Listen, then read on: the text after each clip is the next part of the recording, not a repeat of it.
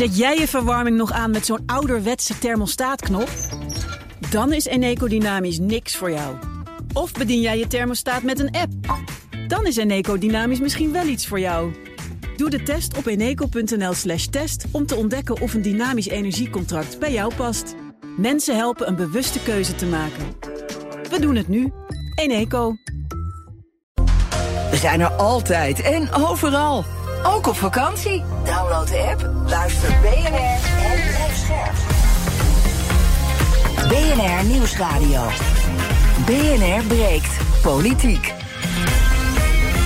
Nina van den Dungen. Welkom bij BNR Breekt Politiek tijdens dit zomerreces. Dit is de laatste aflevering van dat zomerreces. Heb je als luisteraar de kans om contact te hebben met de statenleden vanuit verschillende provincies. Vandaag in het slotstuk hiervan richten wij de spotlight op Zuid-Holland. De provincie van Rijnmond en het Westland, de tulpenvelden, de tomatenkassen. Van Den Haag, Rotterdam, maar ook Leiden en Delft, waar de studenten massaal naartoe trekken en ook blijven plakken. En waar starters op de woningmarkt dus ook moeten vechten om een plekje. In mijn panel vandaag Michel Rogier, statenlid namens het CDA in Zuid-Holland. CDA zit daar in een coalitie met BBB, VVD, GroenLinks en Partij van de Arbeid. Welkom. Ja, een hele goede morgen. En ook uh, Tessa Belo, statenlid namens Volt. Ook fijn dat jij er bent. Ja, ook een hele goede morgen. Uh, Michel, met jou te beginnen. Van 2010 tot 2019 uh, waren jullie al, of was jij al lid van de Haagse gemeenteraad. Klopt. Um, en je deed zoveel werk voor de gemeente dat Zondag met Lubach het leuk vond om er aandacht aan te besteden. We hebben er een stukje geluid bij. Michel Rogier, die heeft het zo druk. Die heeft niet eens tijd voor een achternaam. We gaan vandaag een campagne voeren in de stad. We gaan ervoor. En uh, ja, komende week ga ik er al direct uh, volop uh, aan de bak. Als campagneleider moet je ook alles kunnen, hè, hier. Zo, dat was een aardig politiek avondje en nacht in de gemeente Den Haag. Het licht kan uit, hoor. Oké. Okay. Ja. ah, mooi. Mooi. Een waanzinnige one minute of fame bij Zondag met Lubach. Ja, dat was, was zeker mooi. Ook uh, natuurlijk voor mij persoonlijk, natuurlijk ook voor al het werk wat je als raadslid erin uh, in stopt. Maar het was ook echt wel een ode aan alle raadsleden in, in Nederland. Dat heeft hij toen heel netjes uh, gedaan. Ja, ik wou zeggen, wat vond je het netjes of vond je dit van, nou, dat was, ik voelde me wel een beetje belachelijk gemaakt? Nee hoor, hij heeft dat echt heel netjes heeft hij dat gedaan. En ik kreeg de uitnodiging om naar de studio te komen. Ik zei, nou, als ik geroost moet worden, dan hoort dat er ook gewoon bij. En ja. ik vind het een fantastisch programma. En hij heeft uh, soms ook wel kritiek, zeker ook op onze partij. Nou, dat mag, we leven in de democratie. Mm -hmm. en, uh, dus ik ben daar naartoe gegaan, maar dit was echt een complete verrassing voor mij. Want een ode die gaf aan mijn werk, maar normaal in het bijzonder ook voor alle raadsleden... die uh, ja, ook, ja, daarnaast ook een baan daarbij hebben, net als statenleden. Ja, ja ik wou zeggen, want nu dus statenlid. Ja. Tessa Belo voor Volt nu in de Provinciale Staten.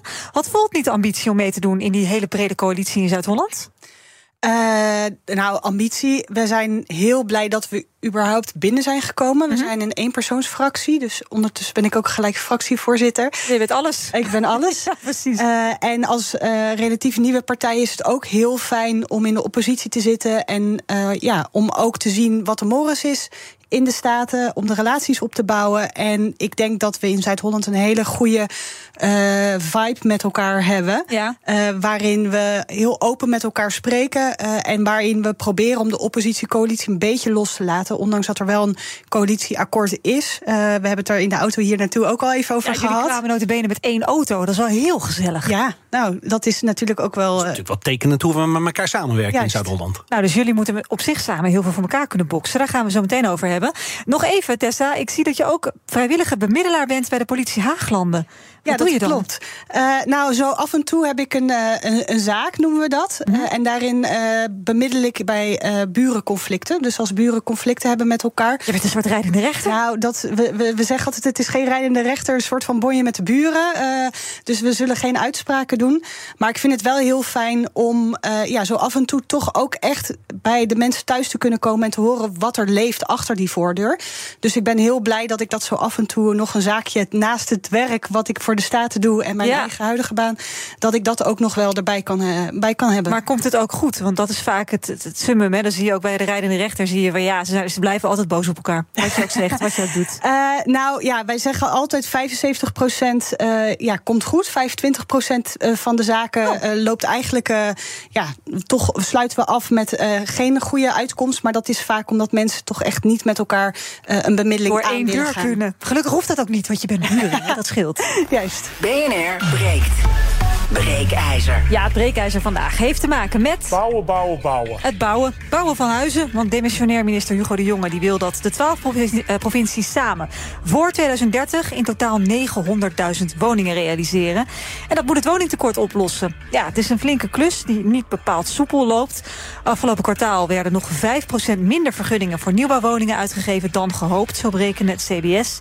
En Zuid-Holland staat hierin voor de grootste opgave van alle provincies. Er moeten daar ongeveer een kwart miljoen woningen verrijzen. In zeven jaar. Ga maar aan staan. Hoe haalbaar is het? Hoeveel ruimte is er eigenlijk in de dichtstbevolkte provincie van ons land? En voor wie moet er nou vooral gebouwd worden? En hoe zit het natuurlijk ook met de stikstofuitstoot? Minister De Jonge die heeft de touwtjes stevig in handen genomen. Hij heeft de regie helemaal teruggepakt in de hoop de woningmarkt uit het slop te trekken. Maar is dat wel zo gewenst? Is het niet een beetje de olifant die door de porseleinkast dendert? Ons breekijzer vandaag. Provincies moeten de regie pakken bij het oplossen van de woningnood. Ik ben heel benieuwd wat jij vindt. 020 468 4 keer 0 De lijnen zijn open. Je kan ook eh, stemmen via de stories van BNR Nieuwsradio op Instagram. Bij mij dus Tessa Belo van Volt Zuid-Holland en Michel Rogier van het CDA Zuid-Holland. Provincies moeten de regie pakken bij het oplossen van de woningnood. Tessa. Eens of oneens? Ja, zeker Ik denk, ik denk, dat uh, die provinciale laag bij uitstek uh, hier een hele grote, uh, stevige regierol kan pakken. Omdat wij als provincie regionaal kunnen zien wat er nodig is. Gemeentelijk is het soms, ja, die zijn toch echt binnen hun eigen kern aan het kijken wat zij willen. en ik denk dat het Rijk, um, dat, dat dat net een laag te hoog is. Hm. Om ja, die ruimtelijke ordening in de provincie ja, die puzzel te kunnen leggen. Ja. Michel, eens of oneens? Uh, wij zijn heel erg blij dat we als eh, provincie de mogelijkheden krijgen om uh, en de tools ook krijgen om die uh, regie te pakken. Het is natuurlijk tot nu toe was het en is het eigenlijk ook nog steeds zo belegd dat de woonregio's, hè, dus een aantal gemeentes binnen een provincie, afspraken maken met over de woningbouw. Hè, hoeveel duur, hoeveel sociaal, ja. hoeveel middelsegment. Ja, je ziet dat die afspraken niet altijd nagekomen worden door iedere gemeente. als provincie hebben we daar eigenlijk te weinig tools en te weinig backup gehad vanuit, de, vanuit het Rijk. Met deze minister die echt ons stevig uh, ondersteunt bij de beslissingen die we moeten nemen, voelen we ons echt gesterkt om de regierol te pakken. En wat Tessa ook zegt, je kunt het dan ook echt lokaal doen. Want wat we niet willen, is dat we net zoals vroeger echt vanuit het Rijk hele Phoenixwijken zeg maar, de grond uit werden gestampt. Mm -hmm. En je kunt nu echt gewoon samen met de regio, uh, uh, samen met gemeentes ook, samen met buurten ook kijken, jongens, waar kunnen we de hoogte in, waar kunnen we de breedte in. Ja, dus ik hoor ook van jou dat je het eens bent hiermee dat provincies de regie moeten pakken. Absoluut. Vinden jullie niet dat de regie nu te veel bij het Rijk ligt, Tessa? Uh, nee, ik denk dat uh, de afgelopen jaren het Rijk best wel um, uh, afwachtend is geweest. Mm -hmm. En dat wij als provincie heel erg hebben gezocht naar waar de ruimte is. samen met gemeentes gekeken hebben naar die woningbouwopgave. we hebben in, ja, eind vorig jaar met elkaar afspraken gemaakt. waarin die 235.000 extra woningen in Zuid-Holland erbij zouden moeten komen mm -hmm. voor 2030. Um, en waarvan ik eigenlijk heel erg wil pleiten is. We hoorden net ook al in het intro-stukje het gaat om bouwen, bouwen, bouwen. Um, maar ik denk dat die 235.000 extra woningen niet alleen maar daarbij hoeven te komen in het bouwen. Eh, echt letterlijk erbij te brengen. Ja. Maar dat we ook naar andere vormen gaan kijken van. turnen van uh, leegstaande panden. Juist, juist. En dat we ook kunnen kijken van oké, okay, zijn er ook andere woon, uh, woonmogelijkheden? Um, en dat we daarmee ook die opgave van extra woningen in Zuid-Holland mm -hmm. uh, ja, kunnen kunnen gaan uh, behalen. Ja. Um, nou is Hugo de Jonge al een tijdje minister, anderhalf jaar, voor wonen om precies te zijn. Hoe vinden jullie dat het doet, dat hij het doet, Michel? Uh, ik vind dat hij het goed doet. Niet verrassend, wat jullie zijn allebei van het CDA. Je kan moeilijk wat anders ja, zeggen, of zou je het, het wel verwachten. zeggen? Nou, ik ben wat dat gaat tot wel een eerlijke jongen, denk ik. Mm -hmm. Maar uh, nee, tot nu toe uh, echt kordaat opgetreden. En dat is ook heel hard nodig op dit dossier. nogmaals, de gemeente, de woonregio's hebben de kansen gehad om, om met name ook een sociale woningbouw het middensegment te bouwen. Mm -hmm. Nou, je ziet dat dat enorm achterloopt. we hebben nu een minister die op dat dossier doorpakt. En ik denk dat dat keihard nodig is. En ja, ze nemen wat meer regie. Jammer dat het nodig is, het Rijk.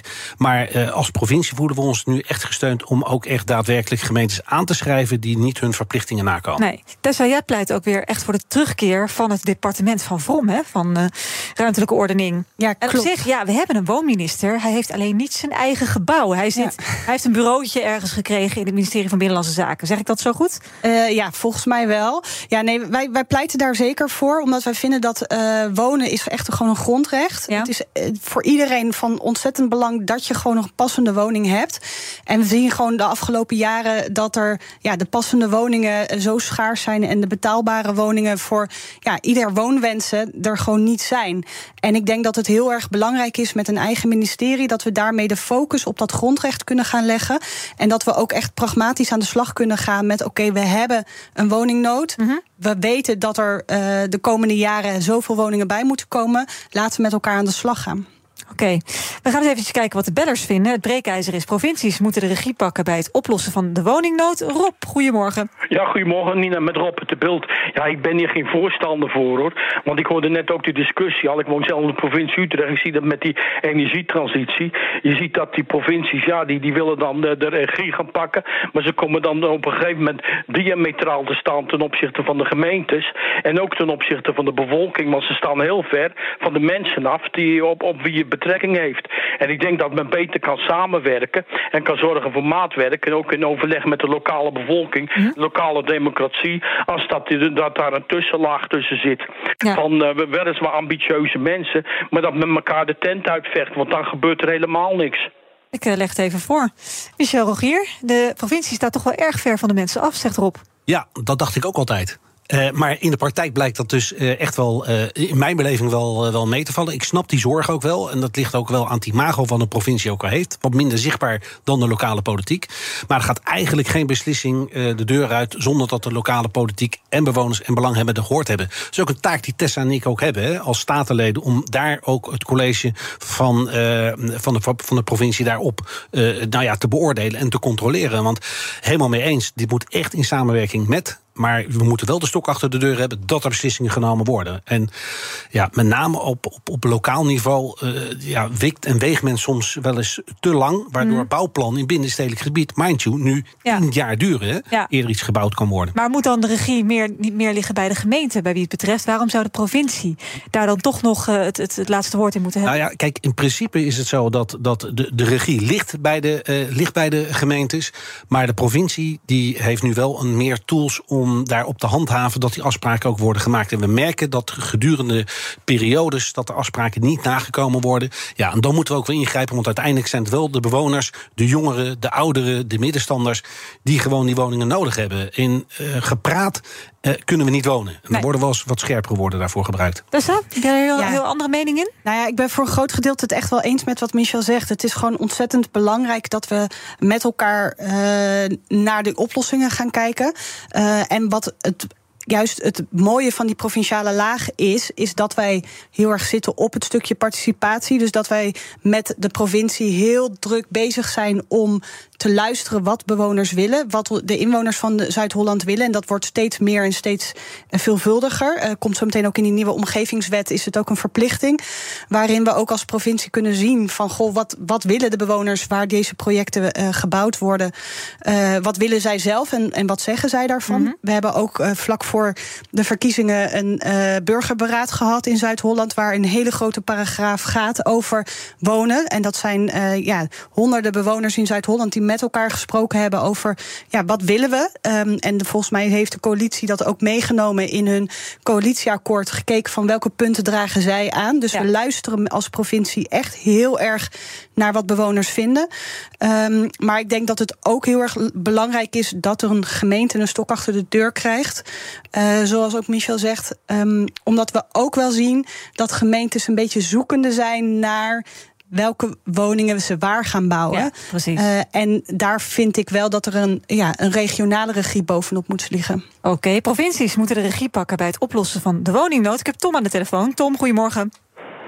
Ja, goedemorgen. Ik heb een, uh, een vraag aan beide gasten die u uh, heeft. Ja. Ik woon zelf in de gemeente Katwijk. Daarbij ligt het vliegveld Valkenburg, het voormalige vliegveld. Mm -hmm. Dat ligt al dik 20 jaar is dat leeg. De gemeente Katwijk die komt daar niet uit om huizen te bouwen. Het enige waar, wat, wat daar nu ge- gebeurt is de soldaat van Oranje. Ja. Mijn vraag is aan de gasten van u. Wanneer gaat die provincie of de gemeente dan eens ingrijpen om daar woningen te gaan bouwen? Nou, terechte vraag, Tom. Ik ga hem meteen even voorleggen. Tessa. Nou, dat is echt een heel, eh, heel mooi voorbeeld van de mogelijkheden die er in onze provincie zijn. Eh, we zien dat er eh, zeker in de verkiezingsperiode heel veel debat is geweest over dat er woningen in Zuid-Holland plaats, of in ieder geval dat natuur plaats moet maken of landbouw moet plaatsmaken voor nieuwe woningen. En dit soort gebieden zijn gewoon heel erg belangrijk voor ons om met de gemeentes aan de slag te gaan. Om Ja. te zeggen, het, het ligt al leeg. Kunnen we kijken naar een herbestemming? Kunnen we kijken naar wat hier de mogelijkheden zijn? Ja, en nou zit jij natuurlijk pas net in de Provinciale Staten. Eh, Michel Rogier loopt al wat langer mee in totaal de Haagse politiek. Hoe kijk jij naar eh, dat oude vliegveld? Eh Soldaat van. Oranje, geweldige musical. Ja, maar loopt al veel dat te lang. Daar is iedereen het over eens. Eh, Precies, Michel. maar daar, eh, daar gaat het dus inderdaad niet over. Nee, maar de- de- volgens mij gaan we daar binnenkort ook eh, bouwen. Hè. De, de, de, de besluiten daarvoor die zijn ook genomen. Ja, is, is dat, dat gaat nu gebeuren? Het gaat echt wel gebeuren. Dus soldaat we van Oranje gaat echt stoppen, zeg je? Echt stoppen. Breaking news. Breaking nee, maar. Ik geloof het nog steeds niet. Nee, maar wat we daar wel voor elkaar hebben gekregen... is dat de, de opzet zeg maar, ietsje wat krapper worden... waardoor we wel wat meer woningen daar kunnen, kunnen bouwen. Dat heeft Ja. wel de discussie van de afgelopen periode...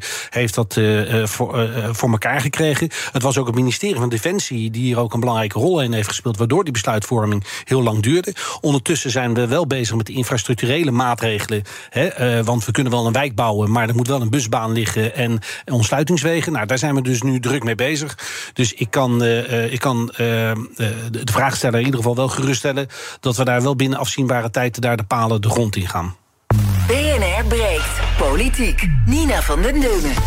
Dat is een mooie toezegging van eh, Michel Rogier van het CDA Zuid-Holland... en ook Tessa Belo van Volt. Provincie Zuid-Holland die is hier. We praten over het breekijzer. Provincies moeten de regie pakken bij het oplossen van de woningnood. Frodo, goedemorgen. Hey, goedemorgen Nina. Hey, ik kan nu nog even bellen, dus ik denk, doe het maar even. Nou, eh, heel goed. Ehm, Zo lang zijn we er niet meer. Ja, daarom. Nog een paar weekjes, hè. Dus eh, Precies. ja. Hey, maar eh, er wordt veel te moeilijk gedacht. En inderdaad kan de provincie daar een hele goede rol in pakken. Je kan gewoon fabriekswoningen maken, van die, van die noodwoningen. Mhm. Na de oorlog werd het ook gedaan door Zwitserland. Zwitserland die had van die houten woningen, die zetten ze op de trein, want Zwitserland had geen voedsel. En Nederland bracht voedsel. En die houten woningen, die, die, kon je ook, die waren bedoeld voor tijdelijk. Mhm. Kijk, dan kan je nu ook gewoon, in Eindhoven gebeurt het ook, is een plek, een weiland, die wordt gewoon tijdelijk volgepland met van die eh, snelbouwwoningen eigenlijk. Want het woningprobleem is maar tijdelijk. Over 10, 20 jaar is er geen woningprobleem meer vanwege de vergrijzing. Dan houdt het op. Mhm. Dus eh, sneller denken, sneller handelen. Goeie tip. Gewoon. Ik ga het eens eventjes doorgeven. Dankjewel, Frodo.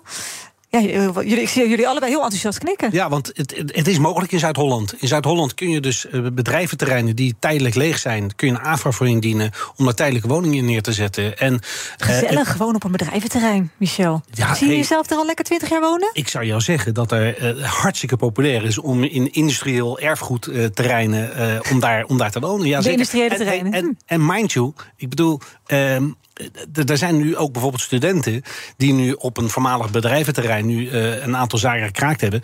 Je zal maar een woning nodig hebben. Precies, daar gaat En, het en, daar, en daar gaat het om. En dan ben je blij dat je of je tiny house, of in dit geval de studenten in Delft met een camper of met een caravan daar kunnen gaan wonen. Het is te triest voor woorden dat dat zo moet gebeuren. Maar zoals de luisteraar ook eh, zei, eh, eh, ook na de oorlog werden er tijdelijke huizen gebouwd. Overigens, een heleboel van die tijdelijke huizen, dat is nu eh, erfgoed geworden. Die in, in een aantal gemeenten. Mhm. Dus, dus die- dat zijn best wel, eh, kunnen kwalitatief hele goede woningen zijn. Maar nogmaals, het is mogelijk in Zuid-Holland. En we enthousiasmeren echt iedere gemeente en iedere eigenaar van een bedrijventerrein om in deze gat, eh, eh, om dit gat in te springen. Ja. Ik zei al, Zuid-Holland is een dichtbevolkte provincie. De dichtstbevolkte van Nederland. Jullie staan voor een gigantische opgave... om bijna 250.000 woningen uit de grond te stampen... in zeven jaar. Tessa, gaat het lukken? Eh, nou, als ik de gedeputeerde moet geloven, eh, gaat het zeker lukken. Eh, ik wil ook nog heel even terug. wat denk je zelf? Nou, ik, ik denk het zeker. Ik denk dat het zeker mogelijk is. Maar ook om even terug te komen op wat Michel net zegt over die tijdelijke woningbouw. Ik, ik denk dat het zeker voor de korte termijn heel erg belangrijk is dat we moeten kijken naar wat, ja, wat voor flexibele woonvormen zijn er mogelijk. Maar ik denk dat wij als provincie zeker verder moeten kijken dan over 10, 15 jaar. En wij als Van Volt, wij, ja, wij proberen echt beleid te maken voor de toekomstige generaties. Dus wat langer vooruit te kijken. wat langer naar de, in de toekomst te kijken. En ehm, daarin ook te kijken naar wat we nu neerzetten is dat ook houdbaar voor de, ja, de komende generaties? En om van daaruit ook te kijken van wat voor voorzieningen zijn er nodig. Want ik begrijp heel goed dat we zeggen we hebben bedrijventerreinen waar we op dit moment snel woningen neer kunnen zetten. Maar je zou ook graag voorzieningen in je buurt willen hebben. Uh, infrastructuur. Um, en dat is ook niet zo makkelijk om dat in dit soort gebieden direct neer te leggen. Dus ik denk dat nou, wat, wat Michel zegt heel belangrijk is, dat we wellicht tiny houses of tijdelijk daar uh, woonvormen neer kunnen zetten. Maar, maar als het echt langer kijken. Maar als het echt gaat over uh, duurzame woon, woningbouw, ja. um, is, dat, is dat gewoon heel erg belangrijk. En ik denk wat ik, waar ik ook mee begon met het omvormen van uh, bepaalde gebouwen um, en ook vergunningverlening om bepaalde bestaande bebouwing te vergunnen dat daar woningen kunnen ge, uh, gebouwd worden. Mm. Dan denk ik dat het gewoon heel erg belangrijk is dat we onze focus hebben op die 235.000 woningen. Ja, en dat het dan ook wel echt mogelijk zou moeten kunnen zijn. Ik heb nog uh, een beller, nog net op de valreep. Anwar, goedemorgen. Uh, goedemorgen. Uh, ik had even een vraag voor, uh, voor, voor beide mm -hmm. gasten. Ik vraag me namelijk af of het mogelijk is voor de overheid, om de, de, Rijksoverheid, dus om, om sneller door de rode tape heen te hakken, daar waar de provincie dat misschien niet kan. Is dat een argument om de regie wel door de, door de Rijksoverheid te laten plaatsvinden? Goeie, ik ga het voorleggen. Ehm, Michel Rogier van het CDA. De, de, rode tape? De... Nou, uh, kan de, de, landelijke overheid, die is, hmm. kan die niet gewoon in sommige gevallen veel sneller knopen doorhakken of dingen opleggen dan een provincie? Ja, en dat hebben ze ook wel aangekondigd. Hè? Met name ook over. Uh, over uh, nou, nogmaals, dat hebben ze ook gewoon aangekondigd. En het is nu ook. Daarom pakt de jongen de regie. Ja, precies. En, uh, en dat is ook die stok die we achter de deur voelen om zelf ook door te pakken. Kijk, en als provincie uh, Zuid-Holland, je gaf het net ook al aan, uh, zijn we de dichtstbevolkte provincie. We moeten heel goed nadenken waar we de resterende vierkante meters in Zuid-Holland nog aan kunnen besteden. En daar gaan jullie over en niet Hugo de Jonge. Precies. Dat moet ook zo blijven? Ja, dat, het liefst wel, maar nogmaals, in gepraat kunnen we niet wonen. Nee. Er moeten huizen komen. Ja. Hier en nu. En uh, tijdelijk, uh, maar zeker ook op de lange termijn. Duurzaam en et cetera. Maar er moet wel gebouwd worden. Want uh, de woningnood is gigantisch. Is dat ook jullie als provincie... verwijten jullie jezelf iets in het feit dat er nu echt... dat we midden in een wooncrisis zitten? Ja, als, ik, eh, eh, als provincie zijn wij natuurlijk op een hele lange termijn. Dus dan moet ik eh, de voorgaande collegeperiodes moet ik, moet ik nagaan. Mm -hmm. uh, je zou wel eens kunnen afvragen van... ja, hebben we misschien niet te weinig echt die, die, die, die bestuurlijke dwang... bij de gemeentes neergelegd? Misschien zijn we daar iets te vrijblijvend in geweest. Maar we hebben al aangekondigd, ook in het coalitieakkoord... dat we daar, uh, dat we er echt strakker op, op gaan zitten... om gemeentes ook echt aan te schrijven. Want anders gaan wij de beslissingen nemen. En dat is het laatste middel wat we willen hebben. Maar nogmaals, we moeten aan de slag. Er moeten woningen bijgebouwd worden. Ja, nou gaat de gemeente over de vergunningen van bijvoorbeeld plekken hè, die mogen worden aangewezen. Tessa van Volt, is dat ook niet eigenlijk heel onhandig? Ik denk dat het zeker, uh, of in ieder geval dat wij in samenspraak met de gemeentes kijken naar wat voor woningen er waar gebouwd moeten ja, worden. Maar dus wij gaan erover. Dat is, nou, dat is ook een rol van de provincie. Hè? Dat wij zeggen, jullie moeten zoveel woningen bouwen.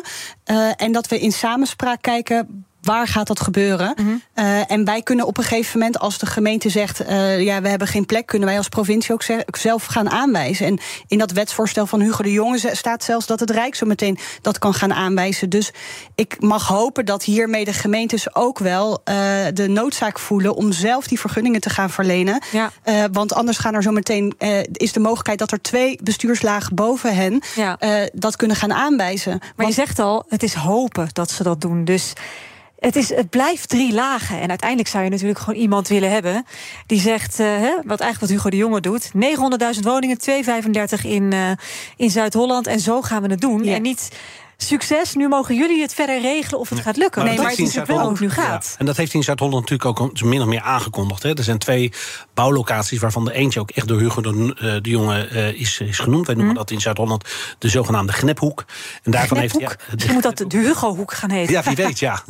Uh, nee, maar laten we het vooral bij de Gnephoek houden. Want het, daar heeft hij ook echt aangezegd van jongens, wij als Rijk hebben daar hier weer naar gekeken. We hebben alle onderzoeken hebben gefinancierd en laten uitvoeren uitvoeren ook dat daar woningbouw kan plaatsvinden. Ga daar aan de slag. En hij heeft echt laten doorschemeren aan Zuid-Holland van doen jullie het niet, dan, dan doen wij het. Maar gelukkig in het coalitieakkoord staat het dat we daar gaan bouwen. En dan kan je dus echt ook meters maken. Want binnenstedelijke gebieden, daar is het echt heel moeilijk om daar die meters te kunnen maken. Ja, maar ik denk dus dat we niet alleen maar naar moeten kijken naar bouwen, bouwen, bouwen. Maar dat we dus ook moeten kijken naar die omvormingen en naar nieuwe woonvormen.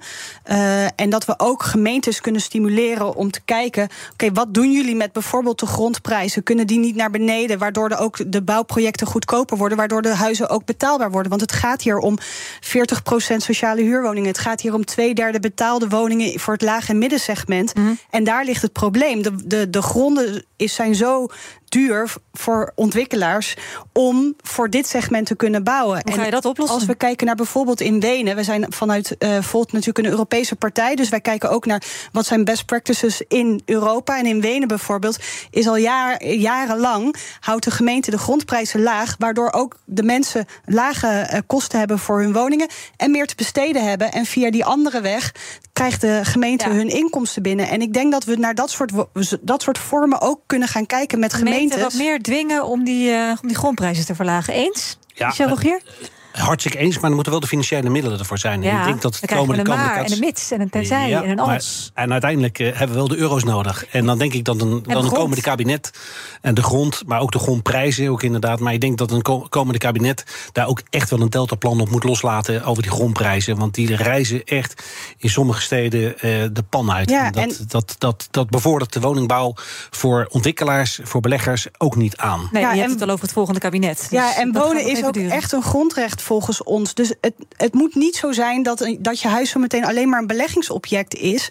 Maar dat we als gemeentes en dus ook de provincie die kan daar ook in sturen om te ja. zeggen: jongens, het is gewoon ontzettend noodzakelijk dat mensen niet onder water komen te staan. En dat kan beginnen bij een lagere uh, prijs voor je woning. Ja, nou, we hebben ons breekijzer sluiten we nu af. Uh, provincies moeten de regie pakken bij het oplossen van de woningnood. Er is natuurlijk massaal gestemd op Instagram. 57% van de stemmers is het ermee eens. En 43% is het ermee oneens. Um, straks bespreken wij de beoogde PvdA GroenLinks-lijsttrekker Frans Timmermans. Die komt terug uit Brussel. Hij heeft zelf keurig ontslag genomen. Maar hij neemt niet alleen een bak aan ervaring mee, maar ook een bak met geld. En wat gaat hij dat daarmee doen? Misschien wel campagne voeren op kosten van de Europese belastingbetaler. Mag dat allemaal?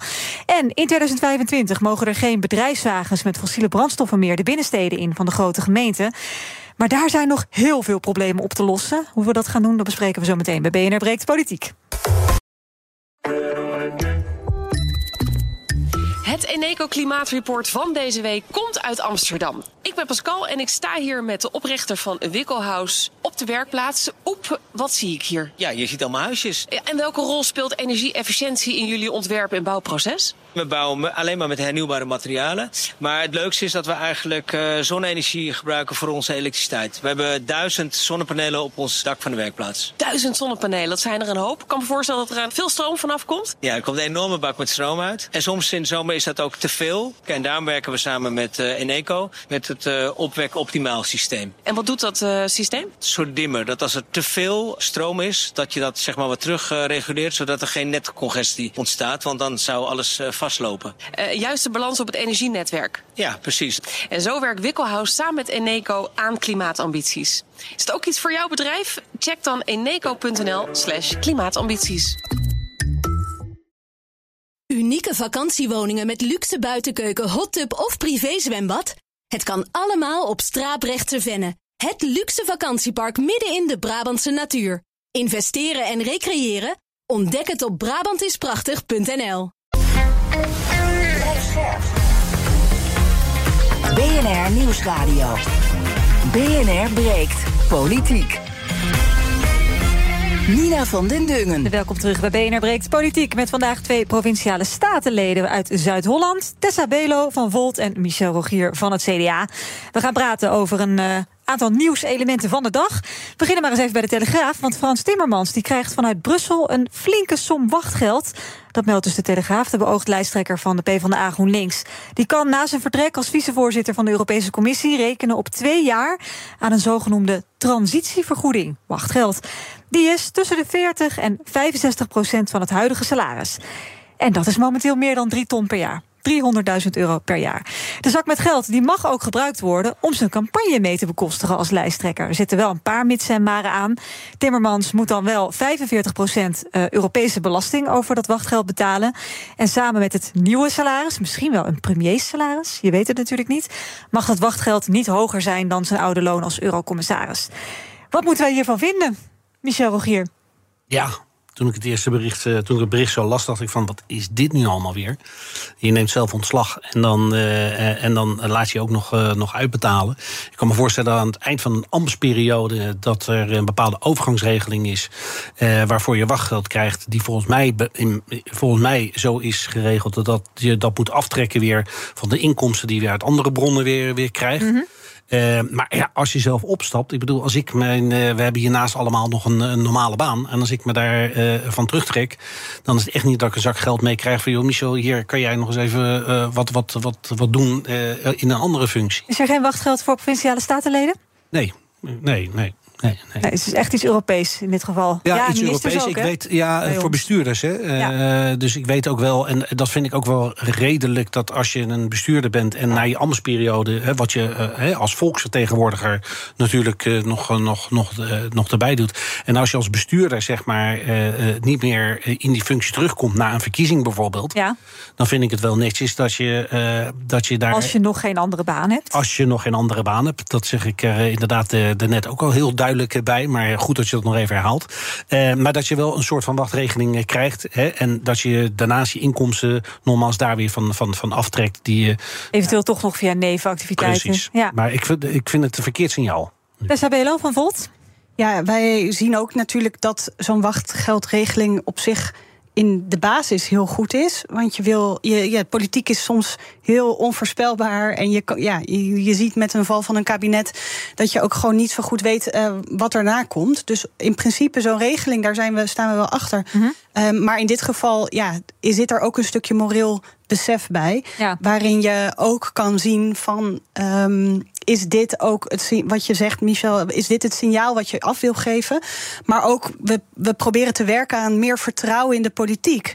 En ik weet niet zozeer of zo'n uh, ja, zo'n zo'n acceptatie van een wachtgeldregeling bij het zelf opstappen.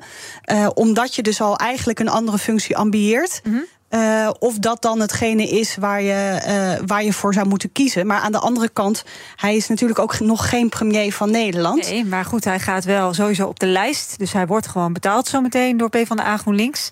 Gaat een campagne voeren. Ik weet niet of je zomaar op betaald wordt als je op een lijst staat. Nee. Of in ieder geval. Precies, dus hè, op het moment dat je dan wordt gekozen. Ja, goed, hij is de lijsttrekker. Ik ga ervan uit dat PvdA GroenLinks wel één zeteltje haalt moet toch lukken. En misschien ja, weet hierover de toekomstige premier van ja. Nederland natuurlijk. Maar laten we het ook anders is, vragen. Zou, zou, zouden jullie ervan afzien? Stel, jullie stonden in Timmermans schoenen. Zouden jullie meteen zeggen...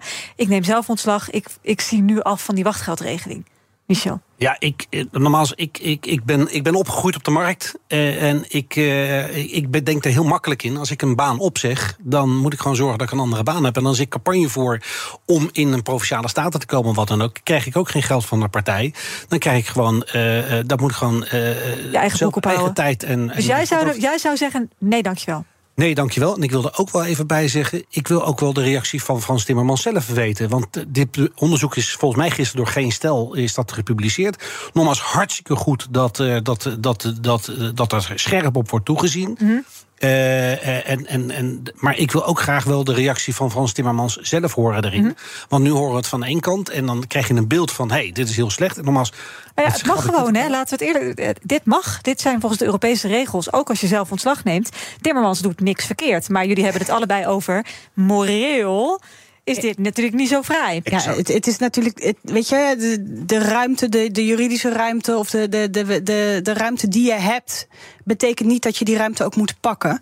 Uh, ik vind het heel goed wat Michel net ook zegt, is ja, laten we ook afwachten naar wat, het, ja, wat de afwegingskaders ja. zijn geweest van Frans Timmerman. Daar, daar, daar, weet ik nu ook niet zo heel veel nee. van af. Maar zou um, jij het zelf uh, weigeren, het wachtgeld in, deze, in, in, in dit kader, als je het Frans Timmermans was? Met de informatie die ik nu heb uh, en het zo bazaal gezegd wordt van goh, je hebt eigenlijk vrijwel grote kans op een relatief hoge functie hierna, dan zou ik ja. dat zeker doen. Ja.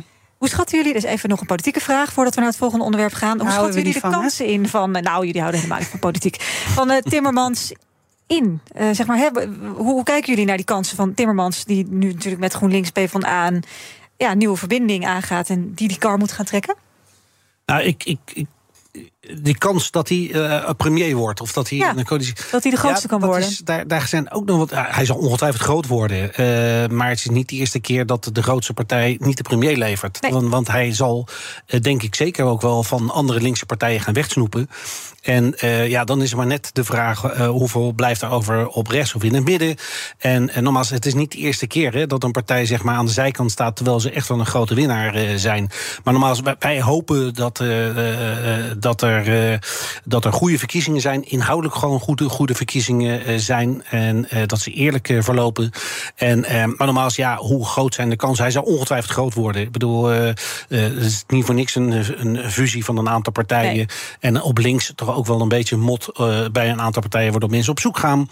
Dus je mag verwachten dat het, dat het groot wordt. Komt hij in het kabinet? Ja, dat zullen we dat na de zien. Vraag. Precies. Dus jij denkt ook dat dit wel een goede, goede zet is geweest van GroenLinks PvdA? Ja, ik denk dat het heel goed is dat ze iemand gevonden hebben die heel veel kennis in huis heeft. En ja. ook heel veel ervaring in huis heeft. En nou ja, Volte is, staat natuurlijk ook voor de Europese beweging. En hij heeft heel veel kennis over wat er in Europa speelt. Uh, hij heeft zich, zou je wel willen samenwerken hij met heeft, nou, hij heeft op de klimaatwetgeving natuurlijk behoorlijk uh, zich ingezet de afgelopen jaren. En ik hoop dat hij dat ook wel voort kan zetten, ook voor Nederland. Omdat we ja, uh, afstormen af en toe op een impasse, lijkt het wel. Mm -hmm. Dus ik denk dat het heel erg belangrijk is dat we kijken naar wat de verkiezingen gaan doen. Uh, en dat ook uiteindelijk de juiste mensen op de juiste plek terechtkomen. Ja. En um, ja, of hij dat in dit geval is, dat moet ik pas zien op het moment dat de verkiezingsuitslag uh, daar is. Nou, dat uh, gaan we zien in november. Uh, we gaan nog eventjes naar de zero-emissiezones voor bedrijfswagens. Die gaat in 2025 in, in de grootsteden in Nederland. Ja, dat betekent gewoon dat het centrum van de steden dan alleen nog maar bereikbaar is voor elektrische bedrijfswagens. En laat het nu net zo zijn dat slechts 1,4% van de bedrijven inmiddels een elektrische bus heeft. Dat is helemaal niks. Dus gemeenten zitten met de handen in het haar, de bedrijven zitten met de handen in het haar. Want ook de gemeenten moeten hun eigen wagenpark verduurzamen. Zijn ze hard mee bezig, maar je hebt nog anderhalf jaar, Tessa. Zelfs wij als provincie moeten ons wagenpark uh, aanpassen. Maar dit uh, anderhalf jaar nog. Dit, ja. Is hier uitstel nodig? Of zeg je nou, jongens, even de schouders eronder, dit moet gewoon lukken? Nou, ik denk dat de urgentie van die transitie soms uh, niet bij iedereen scherp is. En ik, wat ik heel erg belangrijk vind, is met dit soort deadlines uh, dat we echt gaan voelen. We moeten nu aan de slag. En het is niet over na de verkiezingen of we wachten volgend jaar af of uh, we wachten een bepaalde andere regeling die nog komt af. Nee, we moeten nu die transitie gaan maken. Dus ik denk dat het heel erg belangrijk is dat we uh, de bedrijven zoveel mogelijk stimuleren dat op het moment dat zij bezig gaan zijn met hun wagenpark, dat, dat er geen andere keuze is Positief stimuleren dan, dan elektrisch rijden. Straffen. Nou, ik denk dat ik sta sowieso voor positief stimuleren, uh, niet zozeer voor straffen. Um, kijk, op het moment dat wij als overheid uh, gefaald hebben in het sti die stimulans, maar ook in de mogelijkheden bieden om in een relatief uh, een, een, goede, een goede termijn uh, het wagenpark aan te passen. Mm -hmm. Ja, dan zou ik zeggen, dan is straffen misschien net een te zware maatregel. Maar op het moment dat wij al jaren en dag uh, die stimulans aan de voorkant geven, is het op een gegeven moment ook wel noodzakelijk om te zeggen: dit is de dit lijn. Dit is de stok. Ja. ja. Michel Rogier van het CDA. Ja, twee dingen. Er zijn de afgelopen decennia een lappendeken aan maatregelen geweest voor milieuzones, waardoor het met name voor transportbedrijven die tussen gemeentes rijden echt een puzzelen was met welke wagen mag ik waar naar binnen. Er ja. is nu gelukkig wel duidelijkheid. Het komt niet uit de lucht vallen natuurlijk dat we naar die zero-emissiezones uh, naartoe gaan. Uh, je kunt je afvragen over, uh, over de termijn. Ik, ik hanteer graag de afschrijftermijn van auto's. Kijk er ook bij naar wat is er leverbaar op de markt op dat moment. ja, dat is het tweede, ja. Is het, heb je de, infra, de laadinfrastructuur nee, in orde? ook niet. En die is ook niet overal in orde. Dus ik denk dat daar eerst even goed naar gekeken moet worden. Maar het een wakkert het andere aan. Hè. Op het moment dat je een deadline zet, dat hebben we bijvoorbeeld in steden als Parijs. Die hebben gewoon gezegd van in 2030 uh, alleen nog maar uh, zero-emissie uh, voertuigen in de stad. Ja. Daar kan je dan naartoe werken. Ja, dan ga je maar die hebben vijf jaar langer. Exact. Dus zijn wij te vroeg? Zijn wij te, te willend? Uh, als deze maatregelen zeg maar, gisteren is aangekondigd en je zegt over anderhalf jaar, dan zeg ik nou, ja. Hij zou wel ietsje eerder aangekondigd hij, hij, Daarom, daarom. En daarom zeg ik ook van, nou ja, je moet echt wel een, uh, uh, een goed tijdspad hebben. Nogmaals, dit komt niet zomaar uit de lucht vallen. en ik ben wel blij dat er nu duidelijkheid is dat het in alle gemeentes is. Want nogmaals, die regie heeft, ja. hebben we ook vanuit de transportsector ook wel gehoord, dat, dat die wel gemist wordt. En moet dat dan volgens ja. jou straffen of belonen? Dus positief stimuleren of gewoon met de stok? Uh, nou, die, die, die, dat belonen hebben we volgens mij met allerlei vormen van maatregelen Subsidie. al gedaan. Subsidies, et cetera. Uh, uh, positieve feedback als je groen was. en wat dan ook. Ja, die stok, net als bij de woningbouw, die komt wel in zicht. En is dat dan boetes of is het gewoon aan een schandpaal? Nou, niet aan een schandpaal. Ik bedoel, we hebben het ook wel over bedrijven die moeten, die moeten overleven. Uh, ik denk dat je, uh, uh, nou ja, in, in de vorm van hogere belastingen kan je ook wel zeggen van, nou, dat zijn al, dat zijn al bepaalde boetes, soms. Maar daar zou je aan kunnen denken. En MKB Nederland die pleiten nog voor bijvoorbeeld vrijstellingen en ontheffingen. Is dat toch iets waarvan je zegt van, nou, dat kunnen we als tijdelijke oplossing nog wel even doen? De, tijdelijk, maar we merken met, met vrijstelling en ontheffing uh, dat we in de provincies daar ook wel problemen mee krijgen. Want vrijstelling van de wegenbelasting, dat uh, schaadt weer de inkomsten van de provincies. Dus uh, vrijstelling vind ik, ja, je gaat wel een kantelpunt krijgen. Hè, doordat er steeds meer mensen elektrisch gaan rijden of zero-emissie gaan rijden. Ga je wel een kantelpunt krijgen waarin die stimulans nog, nog kunt verkopen.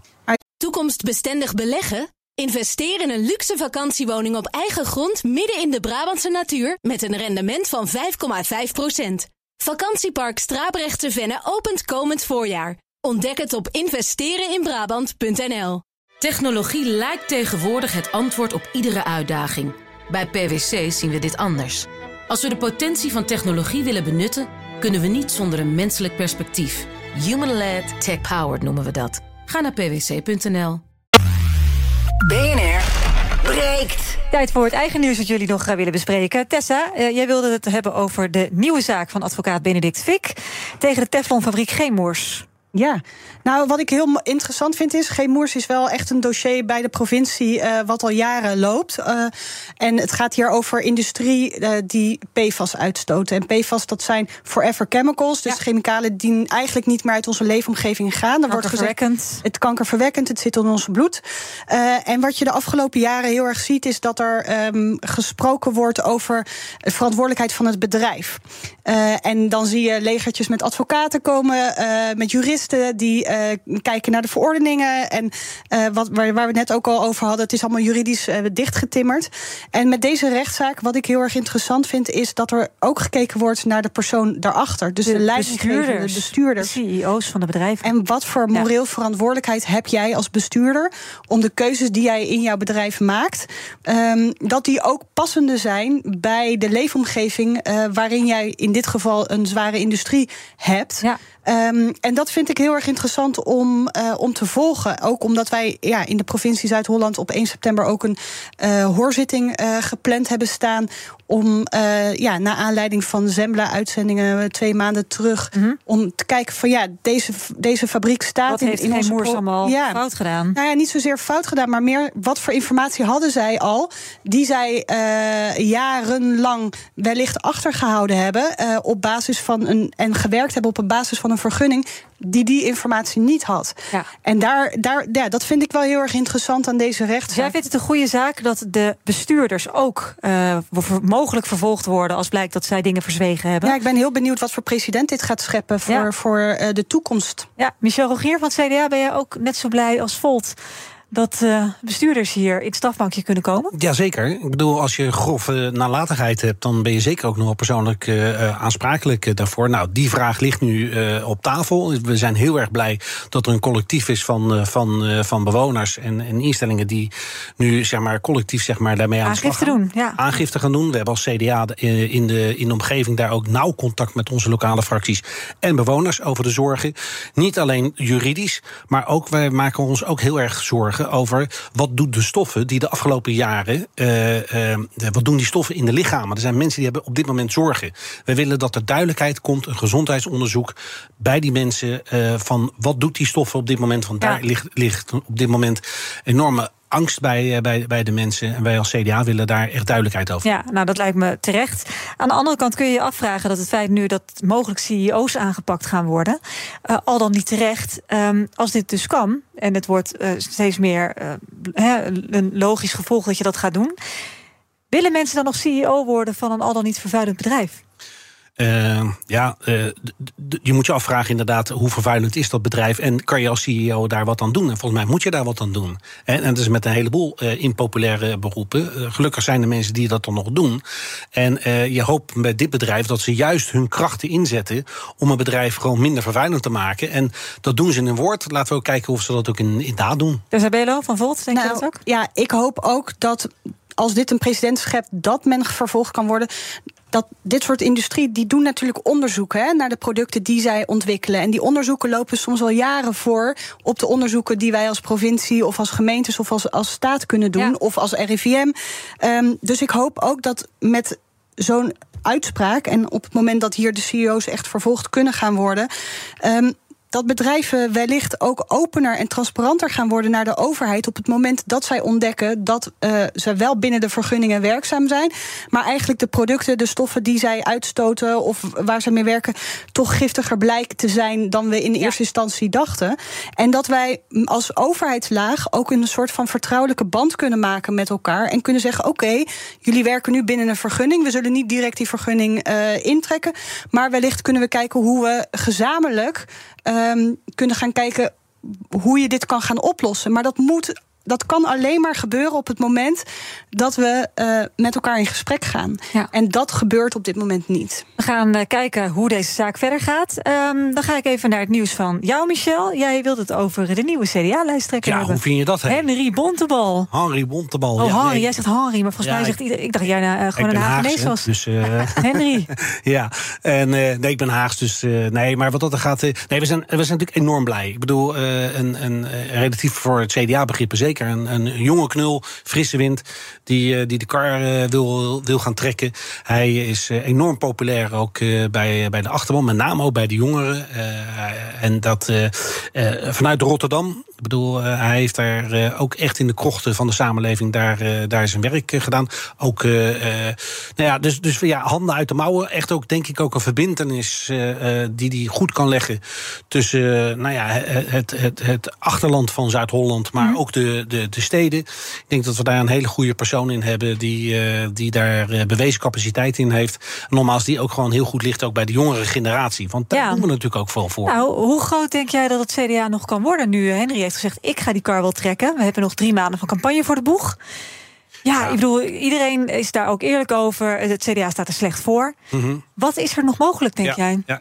ja, kijk, je gaat je heel snel focussen op cijfers. Hè. We willen zoveel zetels halen, wat dan ook. Laten we gewoon een, een, een goede partij met een inhoudelijke boodschap uh, mm -hmm. neerzetten.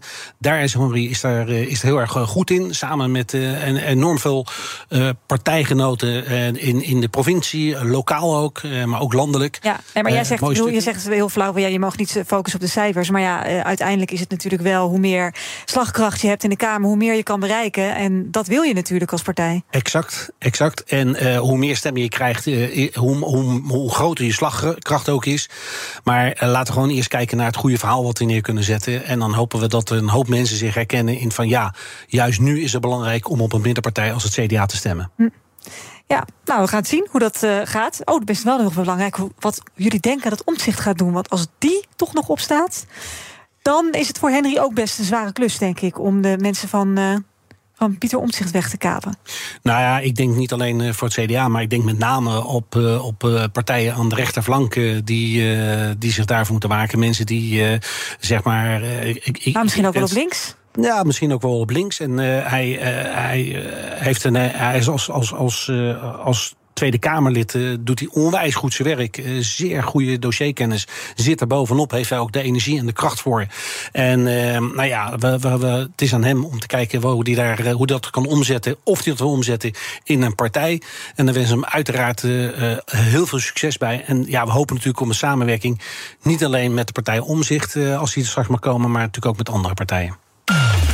Ga nog even tot slot van deze uitzending kijken wat er trending is op de sociale media. Hashtag Trump. Namelijk een vrouw die in september 2020 een brief met daarin dat dodelijke gif ricine naar hem stuurde.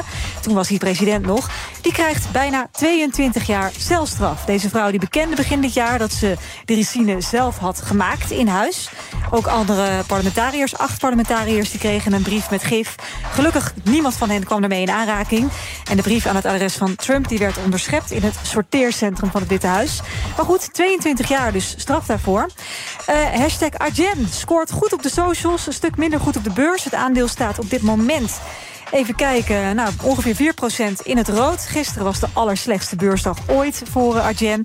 Ook sowieso in een heel lange tijd. 2003, toen was Ahold 60% omlaag geklapt. Maar gisteren was het Arjen met 40% omlaag.